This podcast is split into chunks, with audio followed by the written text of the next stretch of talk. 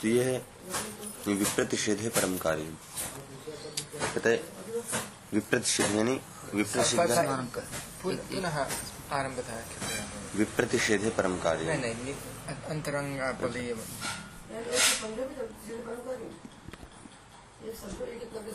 एक वही क्रम अभी आ जाएगा। पर, पर बलि होता है ये पहला। फिर पर से नित्य बलि होता है नित्य से अंतरंग अंतरंग से बहिरंग ऐसे बोलो विप्रतिषेध परम कार्य पूर्व पर नित्य। यानी यहाँ पूर्व से पर अंडरस्टूड है। जब पर कह रहे हैं तो पूर्व अंडरस्टूड है। कार्यम नाम पूर्व से पर। हाँ, पर पर बलवान परम कार्य। तो पूर्व से पर। हाँ पर कार्यम बल, बलवत्। पर कार्यम बलवत्। इति प्रथम नियमः हाँ।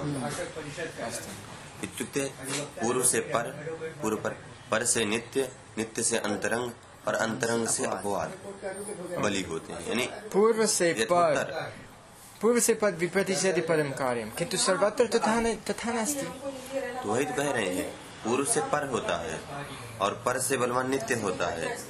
नित्य से पूर्व पर नित्य अंतरंग होता है और अंतरंग से अपवाद अर्थात अपवाद इन सब में सबसे बलि होता है। लेकिन कहीं कहीं पूर्व बलवान होता है पर कहीं कहीं होगा वो बाद में कहीं कहीं होता है तो समझो पहले क्रम से पहले सामान्य जो नियम हो वो तो अपवाद हो गया। वो अपवाद वही तो अपवाद। वो भी अपवाद है। वही अपवाद है। पूर्व पर से अपवाद। होता है तो इसका अपवाद हुआ। हाँ। वो इसका अपवाद हो जाएगा वो इसका अपवाद हो गया। विपतिषेधि परम कार्यम इति स अपवादः पूर्व पूर्वत्रासितम् न न न न। अपवाद तत्र पूर्वं बलवत् अस्ति। पूर्वसूत्रं बलवत् न तत्तु त्रिपाद्यां तत् भिन्नम् अस्ति इदानीम् इदानीं चलति विप्रतिषेधे परं कार्यं ठीक? विप्रतिषेधे कि- किं? विप् विप्रतिषेधः समान अन्यत्र अन्यत्र लब्धावकाशत्वे सति। यानी दो सूत्र जैसे दो सूत्र हैं। ठीक? दो सूत्र हैं और वो एक साथ नहीं किसी का कहीं कार्य करने पहुँच गए। जैसे वृक्ष वृक्ष और भ्यस।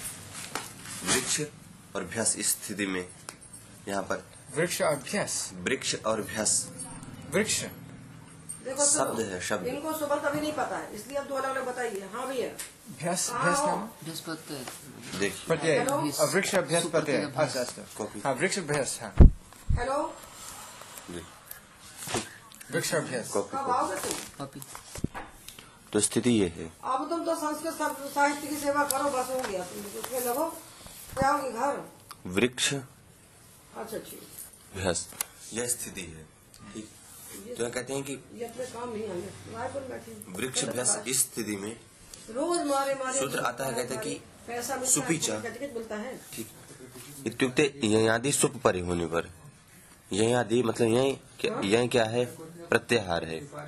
ययादि सुप परे होने पर। अच्छा। ऐसा प्रत्यय ऐसा नहीं पढ़ाना चाहिए। समझेंगे? सुबह नहीं जान रहे हैं हाँ, ठीक वहाँ शुरू करो तुम।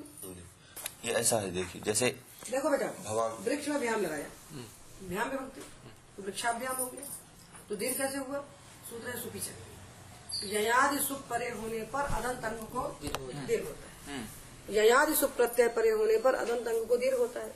तो भ्याम सुप है और ययादि है। और वृक्ष अदंत अंग है इसको दीर्घ हो गया वृक्षाभ्याम बन गया। और वृक्ष और सुप आया सप्तमी में। तो वहाँ आया बहुवचने झल्लियत बहुवचने झल्लियत इसमें किसकी अनुवृत्ति आ रही है? इसी क्या रही है? हाँ।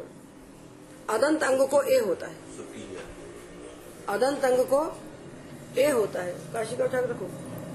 अदंत अंग को ए होता है। तो वृक्ष अदंत अंग है और बहुवचन है सु। इसको हो गया ए। तो वृक्षेशु बन गया। वृक्षाभ्याम बना सुपिचा से और वृक्षेशु बना। बहुवचने ना काशी का वो काशी का जानता ही नहीं। वो काशी का नहीं जानता है।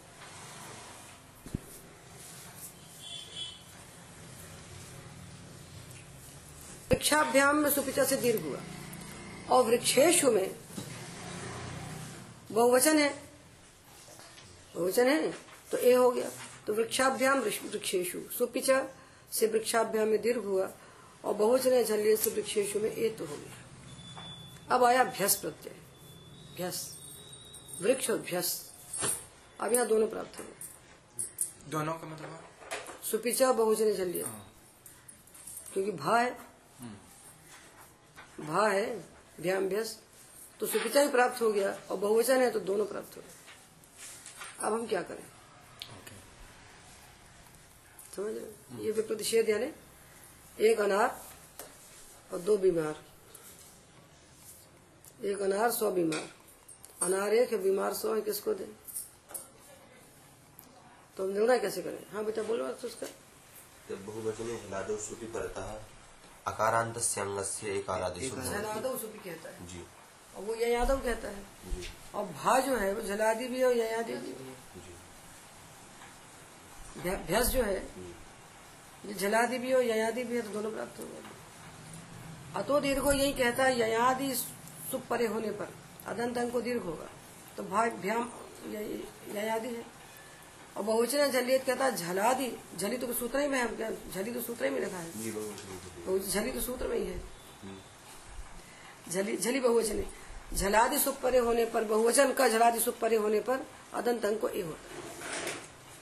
तो विक्षेष बन गया विक्षाभ्याम बन गया। अब आया भ्यस जब भ्यस आया तो ये झलादि बहुवचन भी है और ययादि सुख भी है। यहाँ दोनों आ गए। एक से दो होते हैं तो लड़ाई होती है, ये संसार का नियम है। इसलिए एकाकी चरे वेद का वचन है। अकेले घूमो, किसी से कोई टन अब दो हो गए। अब जब दो आ गए, परम कार्य। हाँ? परम कार्य तो परम कार्यम होना चाहिए। तो परम कार्यम कब होता है?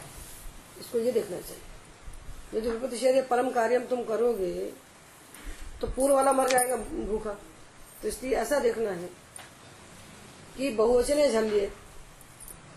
विप्रतिषेध परम कार्य वृक्षाभ्याम वृक्षा वृक्षा यहाँ अब ये तो तुम्हारा जो सुपिचा है इसको यदि वहाँ काम नहीं करने दोगे तुम भ्यस में तो वृक्षाभ्याम में लग जाएगा। और यदि यहाँ तुम सुपिचा को नहीं, बहुवचन झलियत को नहीं करने दोगे तो वृक्षेश में लग जाएगा जाके। ये भ्यस में तुम दोनों को नहीं लगने दोगे तो दोनों के पास अपने अपने लगने का स्थान है। अन्यत्र अन्यत्र लब्धावकाशत्व सती, एकत्र समवेतत्व तुल्य बल विरोधत्व ये लिख के देना इनकी कॉपी में अपने हाथ से लिखो। लिखो स्वरूप की कॉपी में। लिख दो। अन्यत्र अन्यत्र को लगाने के लिए जो शर्त है वो ये शर्त है कि ऐसे दो सूत्र होना चाहिए एक जगह में आके दोनों खड़े हुए। और तुम वहाँ उन दोनों को मत लगने दो। तो भी दोनों के लिए काम करने के लिए अपना अपना स्थान है। ऐसे नहीं है कि तुम नहीं करने दोगे तो मर जाएँगे वो। राशि को नहीं करने देते तो बेकार हो जाता वो। किंतु ये यहाँ नहीं भी करने दोगे तो बेकार होने वाले नहीं है ये। इनके पास अपना अपना स्थान है काम करने। ऐसे सूत्रों में प्रतिषेध परम कार्य में लगाया जाता है। समझ में आया? जैसे ये है लड़का, ये बैठे हैं। और एक वो बैठा है।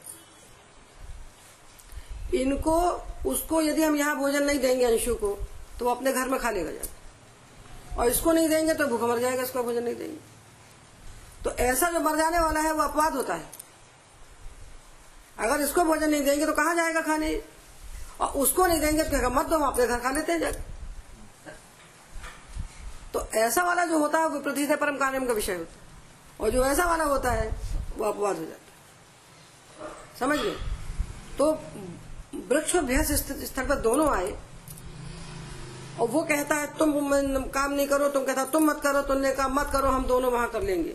तो सुपिचा कहेगा, हम वृक्षाभ्या में चले जाएँगे और बहुचन जलियत कहेगा, हम वृक्षेशन बना लेंगे ऐसे सूत्रों का मैं विप्रतिषेध परम कार्य से काम किया जाए अन्यत्र अन्यत्र लब्धावकाश यहाँ वहाँ अन्यत्र अन्यत्र उनको काम करने का अवकाश है।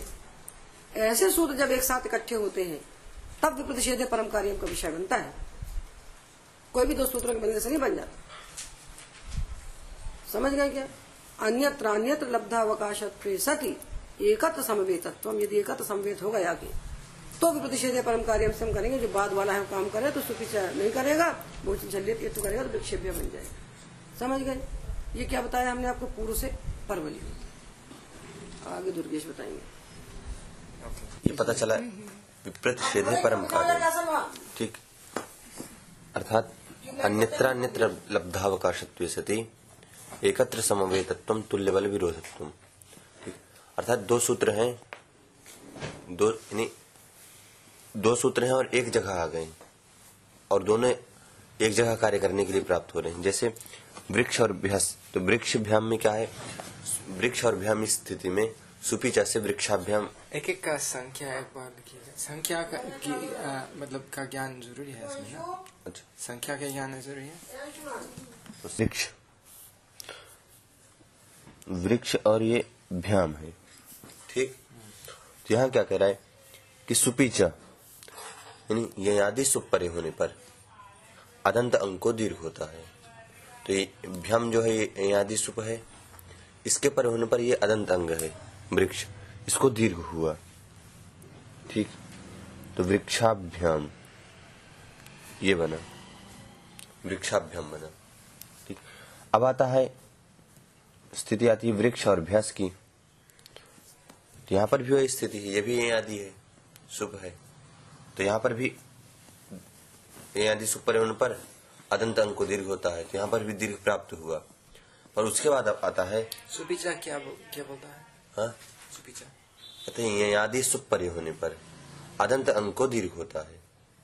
क्या परे होने पर? सुप यह आदि सुप यह सुप मतलब सु औजस।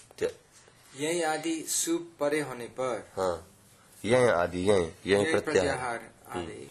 हम्म, तो यह प्रत्याहार है तो यह आदि सुप परे होने पर अदंत अंक दीर्घ होता है। तो भ्याम जो है ये यह में आता है भा। भा यह में आता है।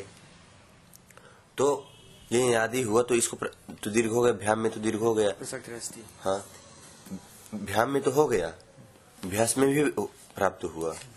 और दूसरा सूत्र आता है कि बहुवचने झलियत बहुवचने झलियत अर्थात बहुवचन बहुवचन परे होने पर ठीक? झलादि बहुवचन झलादि सुप परे होने पर बहुवचन झलादि सुप परे होने पर अदंत अंक को एक तो होता है ठीक? और सुपीचे कहता है? एक तो हो दीर्घ होता है ठीक? दो सूत्र आ गए। दोनों का प्रसक्ति है। दोनों आ गए। तो अब दोनों क्या है? तुल्य बल विरोध है। तुल्य बल विरोध मतलब कि अन्यत्र अन्यत्र लब्धावकाशत्व सती। अर्थात दूसरी जगह अगर यहाँ कार्य नहीं करेंगे, दूसरी जगह कार्य कर सकते हैं। ठीक? अगर सुपीचा यहाँ सुपीचा यहाँ नहीं लगा तो वृक्षाभ्याम में लग जाएगा। ठीक? बहुवचने झल्लियत जो है, वो यहाँ नहीं लगेगा तो सु में वृक्षेसु में लग सकता है। ठीक? यानी दोनों के अपने अपने स्थान है कार्य करने के। ठीक? तो ये क्या हुआ? दोनों के अपने अपने स्थान कार्य करने के हैं। अब क्या होगा? अब कहता है कि तो तब निर्णय कैसे करेंगे आप? कि किससे कार्य करेंगे? नहीं दो हैं और दोनों अप, अपवाद किसे कहते हैं? अपवाद मतलब कि जहाँ कहीं निरवकाशो विधि अपवाद इत्युक्ते कहीं पर कोई कार्य प्राप्त ही नहीं हो रहा है उसको। जो सूत्र बनाया गया है तो उसको कहीं स्थान नहीं है कार्य करने के लिए तो अपवाद हो गया और वो अपवाद अपना ले लेता है। वो तो ले लेगा। तो यहाँ पर तो अपवाद नहीं है क्योंकि दोनों को अपने अपने स्थान है। दोनों के अपने अपने स्थान है। दोनों दोनों अन्यत्र लब्धावकाश है इनको अपने अपने स्थान प्राप्त है। ठीक? और यहाँ पर भी एकत्र समवेत एक जगह आकर के ये कार्य करना चाह रहे हैं तो अब इनमें दोनों में निर्णय करना है हमको कौन सा कार्य करेगा। यानी सुपीजा करेगा, फिर बहुवचन झल्लियत करेगा। ठीक? तब कहते हैं कि पूर्व से पर विप्रतिषेध है परम कार्य ठीक? कि अगर दो, यानी विप्रतिषेध मतलब तुल्य बल विरोध ठीक? विप्रतिषेध मतलब तुल्य बल विरोध होने पर पर वाले से कार्य होता है। तो सुपीचा सात तीन। अगर दोनों का अवकाश है हाँ, दोनों- स्थान हाँ दोनों लब्धावकाश है नहीं दोनों को कहीं कहीं प्राप्त है कार्य। मतलब दोनों अपवाद नहीं है। अपवाद नहीं है ठीक? तब अगर अपवाद अपवाद होगा तो तो अपवाद अपने आप ही ले लेगा ठीक? तो यहाँ पर यह कह रहा है कि विपरीत से यानी तुल्य बल विरोध ठीक? परम कार्यम। तो सुपीजा है सात तीन एक सौ दो। सुपीचा सात तीन एक सौ दो। और बहुवचने झल्लिए थे सात तीन एक सौ तीन। ठीक? तो कौन बाद में वो बहुवचने झल्लिए तो पर हुआ वो और परत्व यानी पूर्व से परबली हो गया। सुपीचा पूर्व है और बहुवचने झल्लियत पर है। तो इसने कार्य किया। तो बना वृक्षेभ्य।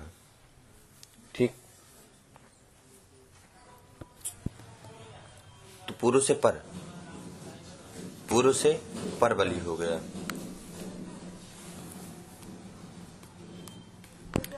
कौन सा है? किसका अपवाद? सुपीचा सुपीचा का अपवाद बहुवचने झल्लियत ये ये ये धीरे धीरे बोलिए। सुपीचा का अपवाद बहुवचने झल्लियत बहुवचने झलिए। जी। झलिए। झल्लियत झलिएत।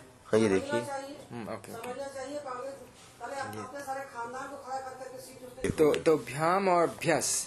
भ्याम का अवकाश होता है द्विवचन में। ये तो बहुवचन है तो भले अ, भले ही उसका अवकाश है यहाँ लेकिन दूसरे स्थान पर है द्विवचन में उसका इसलिए वहाँ चला जाता है। है। तो तो सुपीचा अगर यहाँ नहीं करेगा एक आत्व दीर्घ तो भ्याम में कर लेगा। हाँ तो और बहुवचन झल्लियत जो है हाँ। यहाँ नहीं करेगा तो सुप में कर लेगा।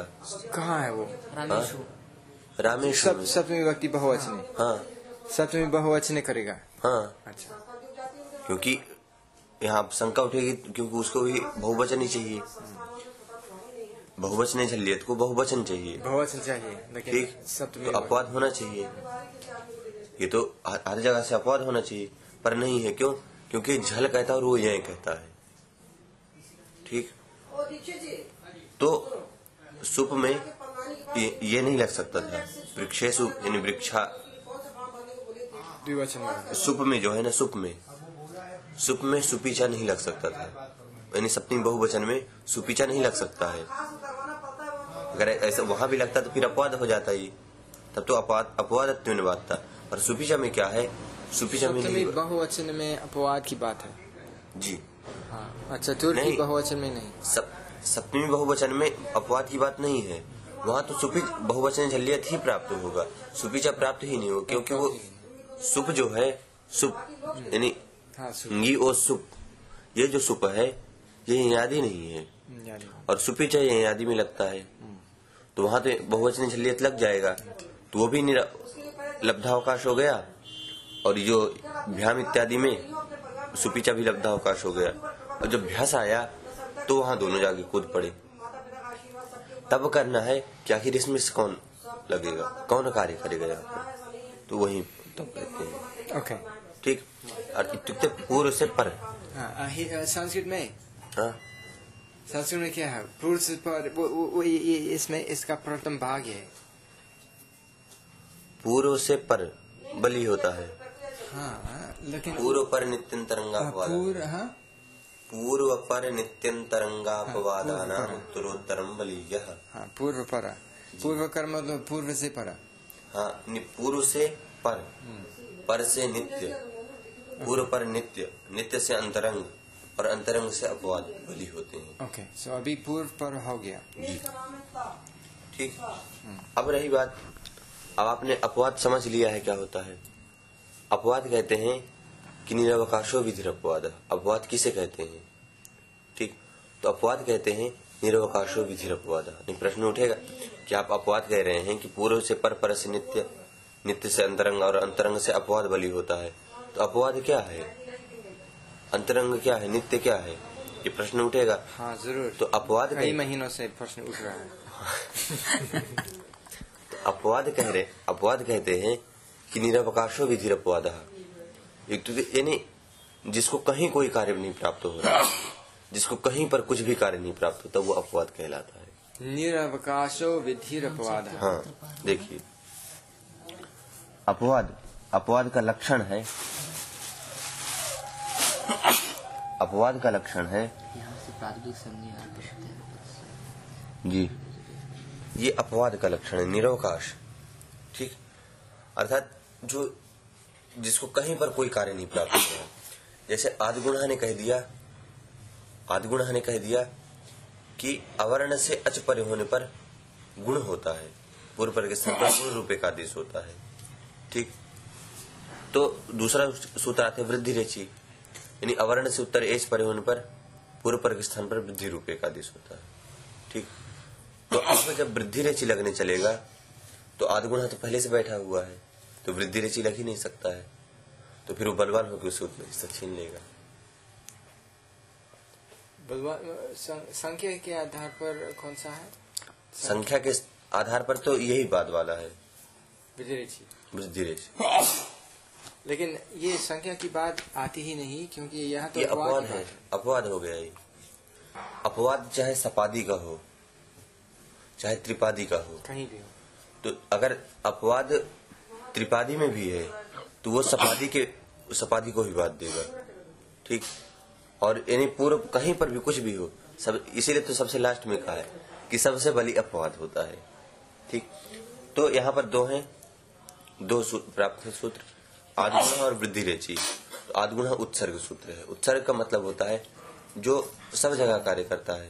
यानी जिसका बहुत अधिक व्याप्त क्षेत्र है। सीमित और अपवाद हुआ सीमित क्षेत्र। कि आपने इतना कह दिया? बस इतने में ही ये कार्य करेगा। और आधगुणा है ये व्याप्त है पूरा। ठीक? तो इसे कह दिया यानी अति व्याप्ति इसके पूरे में सब जगह जितने भी अच परे हैं अवर्ण से अच है तो गुण कर दो। तो उसमें एच भी आ गया। तब कहते हैं वृद्धि रेची यानी अवर्ण से एच परे होने पर वृद्धि होती है न तो गुण। ठीक? वो नहीं ले सकता था तो ये अपवाद बन गया इसका। जी। उत- ये क्या हो गया? ये पता चला यानी अपवाद से, सबसे बलवान अपवाद हो गया, उत्सर्ग से अपवाद। पूर्व से पर पर से नित्य। ठीक? पूर्व से पर पर से नित्य। जैसे पूर्व पर नित्य। नित्य अनित जैसे देखिए। तुदति। तुदति ये है, स्थिति है, तुद। और ती पहली ये स्थिति होती है। ठीक? तुद और ती ये स्थिति है। स्थिति ये है। सबसे पहले लट आता है तुद लट। तुद धातु हुई और लट आए लट के स्थान पर तिप इत्यादि आदि हुई पहले शब्द तो आता नहीं शब्द विकरण नहीं आता पहले। पहले सार्वधातुक प्रत्यय आता है तब विकरण आता है। तो कह रहे हैं कि स्थिति में इसको निमित्त मान कर आप यहाँ पुगंध लघु से से गुण कर दीजिए। गुण? कहाँ हाँ यानी तुद में आप यहाँ ती है ती सार्वधातुक पित है। ठीक है तो इस पित को निमित्त मान करके आप यहाँ गुण कर दीजिए उसके बाद विकरण लाइए। ऐसा कर दीजिए आप। तो कह रहे हैं कि ऐसा कैसे करेंगे? बोले आप विकरण बाद में लाइए। पहले गुण कीजिए। यानी इसको अभी अभी तो ये है निमित्त। इसको निमित्त मानकर गुण कर दीजिए। क्योंकि सार्वधातु का धातु का भी वो बाद का है वो ऐसा ही। पुगंध है। लघु पदस्य च। हाँ पुगंध लघु पदस्य च। तो कहते हैं कि ठीक है आप गुण कर दोगे ठीक? तो ऐसा तो नहीं कि शाह गुण नहीं गुण हो जाएगा तो शाह नहीं आएगा। ऐसा तो नहीं है कि आप गुण कर देंगे तो शाह नहीं आएगा। ऐसा नहीं ऐसा नहीं है ना? और यदि गुण नहीं करेंगे तभी शाह आएगा। ऐसा तो ऐसा भी नहीं है। तो कहते हैं वो नित्य है। आप गुण करोगे तो भी आएगा और गुण नहीं करोगे तो भी आएगा। वो आएगा ही आएगा। आप उसे नहीं रोक सकते। तो अब अब कौन सा नित्य है जो शाह आएगा? शाह आना शाह का जो आना। शाह का जो आना है वो नित्य। है। शाह का होना। शाह का होना नित्य है। हाँ नित्य है क्योंकि गुण करके तोड़ बनाओगे तो भी होगा। और नहीं बनाओगे तो तो भी होगा। इसलिए कृताकृत प्रसंग है। पुनः? कृताकृति प्रसंग। कृताकृत प्रसंगी। कृताकृत प्रसंग नित्य विधि नित्य ऐसा विधि जो करने पे भी हो और न करने पर भी हो। वो नित्य होता फिर वो पूर्व होने के बाद भी बलवान हो जाता है। तो इसलिए पर से नित्य बलवान। हो जाएगा। आप कहोगे तुद को तो तोद बना दिया। तो तुद को शाह होना कहा है तोद को तो शाह होना नहीं कहा। तो एक देश विकृत लिखते जाओ सब लिखो। एक देश विकृत मनन्यवत। एक देश में विकार होने के बाद भी आदमी बदलता नहीं। कुत्ते की पूछ कट जाती है तो कुत्ते कहलाता है। अच्छा। तो तुद को तोद होने से है तो तुद ही तुदादिव्या शाह तो हो गई। होगी इसलिए नित्य है। ठीक। तुदा और ती ये स्थिति है। तुदा और ती ये स्थिति है। तो यहाँ कहते हैं आप गुण कर लीजिए पहले। बाद में शाह ले आइए। ठीक। तब प्रश्न उठता है कि ठीक है आप शाह लाएँगे आप गुण करके शाह ला रहे हैं। तो आप गुण नहीं करेंगे तब भी शाह आएगा और गुण कर देंगे तब भी शाह आएगा। तो क्योंकि शाह शाह को तो आना ही है। वो तो कहते हैं कर्तृत्व सार धातु परे होने पर। तुद इत्यादि जो धातु है तुदादि गण की जो धातुएँ हैं। उनसे श विकरण होता है। कर्तरथक सार्धातु प्रत्यय बाद में होना चाहिए। इनसे विकरण हो जाएगा वो। तो वो ये प्रत्यय थोड़ी बदलेगा। आप तो अंग बदल रहे तो इसे कैसे बदलेगा? ठीक? तो करें कि ठीक है। तुद तुद इत्यादि कहा गया है, तोद इत्यादि तो नहीं कहा गया है। आप गुण कर लेंगे तो तोद हो जाएगा। तुद तो नहीं रहेगा। तो कह रहे हैं कि ऐसा नहीं होता है एक देश विकृतम अनन्यवत ठीक? आप यानी थोड़ा सा कुछ किसी का ऐसे किसी का हाथ कट गया उंगली कट गया तो आदमी बदल तो नहीं जाता वही रहता है। ठीक? तो ऐसे ही तुद तुद को तोद हो गया। तो ऐसा तो नहीं कि वो तोद दूसरी चीज़ है। है तो तुद तुद से ही बना है। यानी किसी आदमी के जैसे उसका मूल वही हाँ। उंगली कट गई हाथ कट गया किसी का पाव कट जाता है। तो ये तो नहीं कहते हैं। अब मान लिया उदाहरण तो रहा ही गया। वो तो वही आदमी तो वही है ना। वही तो ऐसा ही है इसमें। तो अब तुद और ती ये स्थिति है। तो करें कि ये नित्य है। अब तोद बनाओगे तो भी होगा और तोद नहीं करोगे तुद रखोगे तब भी होगा। यानी शा को तो होना ही है। तो कहते हैं कृताकृत विस- प्रसंगी विधिर नित्य। यानी जो करने पर भी प्रसंगी विधिर नित्य। प्रसंगी विधिर नित्य। विधिर अनित्य विधिर विधिर नित्य। विधिर नित्य। हाँ इसलिए मैंने यहाँ पर हलंत लगा दी ऊपर रेप नहीं लगा पाया। ठीक? तो कृताकृत प्रसंगी विधिर नित्य कृता कृत प्रसंगी विधिर नित्य ठीक है। यानी जो करने पर भी हो और न करने पर भी हो। इत्युक्ते जिसको होना ही है उसे आप नहीं रोक सकते। वो नित्य हो गया। ठीक? तो यहाँ दो काम है। एक है शा का आना हाँ। और एक है गुण। हाँ पहला है पहला है गुण करना। कि आप गुण कर दीजिए तब शाह को लाइए। ठीक? यहाँ तो गुण नित्य नहीं है क्योंकि पहले शाह लाएँगे अगर तो गुण तो होगा ही नहीं तो गुण तो नित्य नहीं है केवल शा का आना गुण हाँ, नित्य। हाँ वही वही कह रहे हैं कि आप पहले ती को निमित्त मान कर गुण कर दीजिए। तो कह रहे हैं ठीक अब बाद में शाह लाइए। शाह आने वाला है तो आप पहले ती को ती को निमित्त मानकर गुण कर दीजिए फिर शाह लाइए। तो कह रहे हैं ठीक है हम ती को निमित्त मानकर गुण कर देंगे। लेकिन बताइए गुण करने के बाद शाह नहीं आएगा क्या? आएगा आएगा। तो कह रहे तो वो तो नित्य हो गया। आप करोगे तो भी नहीं आएगा तो भी आएगा नहीं करोगे तो भी आएगा। तो वो नित्य है और नित्य नित्य क्या है? कर्तरी शब्द क्या नित्य है? नित्य तुदादिभ्य हाँ उससे पहले कर्तरी शब्द कर्तरी शब्द है कर्तरी शब्द भी नित्य है। उसकी बात खत्म हो हाँ। सुनो ये झगड़ा दो के बीच में तुदादिभ्य शाह पुगंत लघुपधस्य इनके बीच की बात है। इनकी वजह से बात। कर्तरी शब्द वो का तो कोई तो फ़ंक्शन नहीं है। कर्तरी शब्द का बाधक हो गया ना ये अपवाद में शाह आ गया। तो खेल खत्म हो गया इन दो के बीच में। हाँ अभी दो की बात चल रही है क्योंकि शाह लाएँगे तो शाह तुदादि हाँ। और गुण। हाँ क्योंकि शब्द लाएँगे तो भी गुण हो जाएगा। तो यहाँ पर केवल अभी शाह और उसका तो क्या कहेंगे? शाह आ ही जाएगा। ठीक?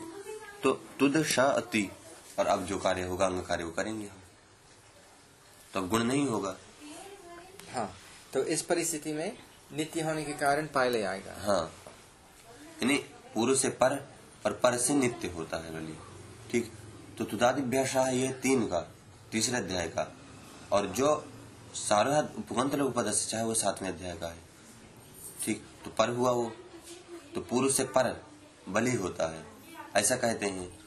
तो पूर्व तो ये त्रिपादी ये है। तो होने जा रहा था। ये हो सकता था। पूर्व से पर। पूगल तो लोग हाँ, अच्छा पर है। हाँ तो वो हो, सक- हो रहा था। तो कहते हैं कि पर से नित्य होता है। लेकिन नित्य पर से बलि नित्य होता है। ठीक तो पर वो भले है। ठीक पर उससे बलि ये, ये नित्य है इसलिए ये बलि हो गया। ठीक उस पहले वाले से वही प्राप्त है। लेकिन इस उससे कि पर से नित्य बलि होता है तो इससे तुदारी हो गया। ओके क्योंकि तीसरे का वो सातवें का है। ओके नित्य। हाँ, पूर्व से पर पर से नित्य। हाँ। ओके अभी राज खुल रही है। धीरे धीरे धीरे धीरे। रंग। अंतरंग। अब बोलिए अंतरंग क्या होता है?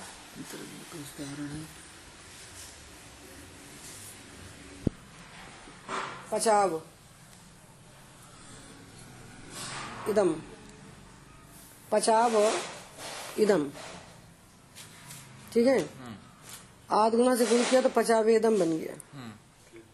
अब ये जो एकादेश होता है स्वरूप, एक सूत्र है अंतादि बच्चे एकादेश कितने होते हैं? गुण, वृद्धि पूर्व रूप पर रूप दीर्घ।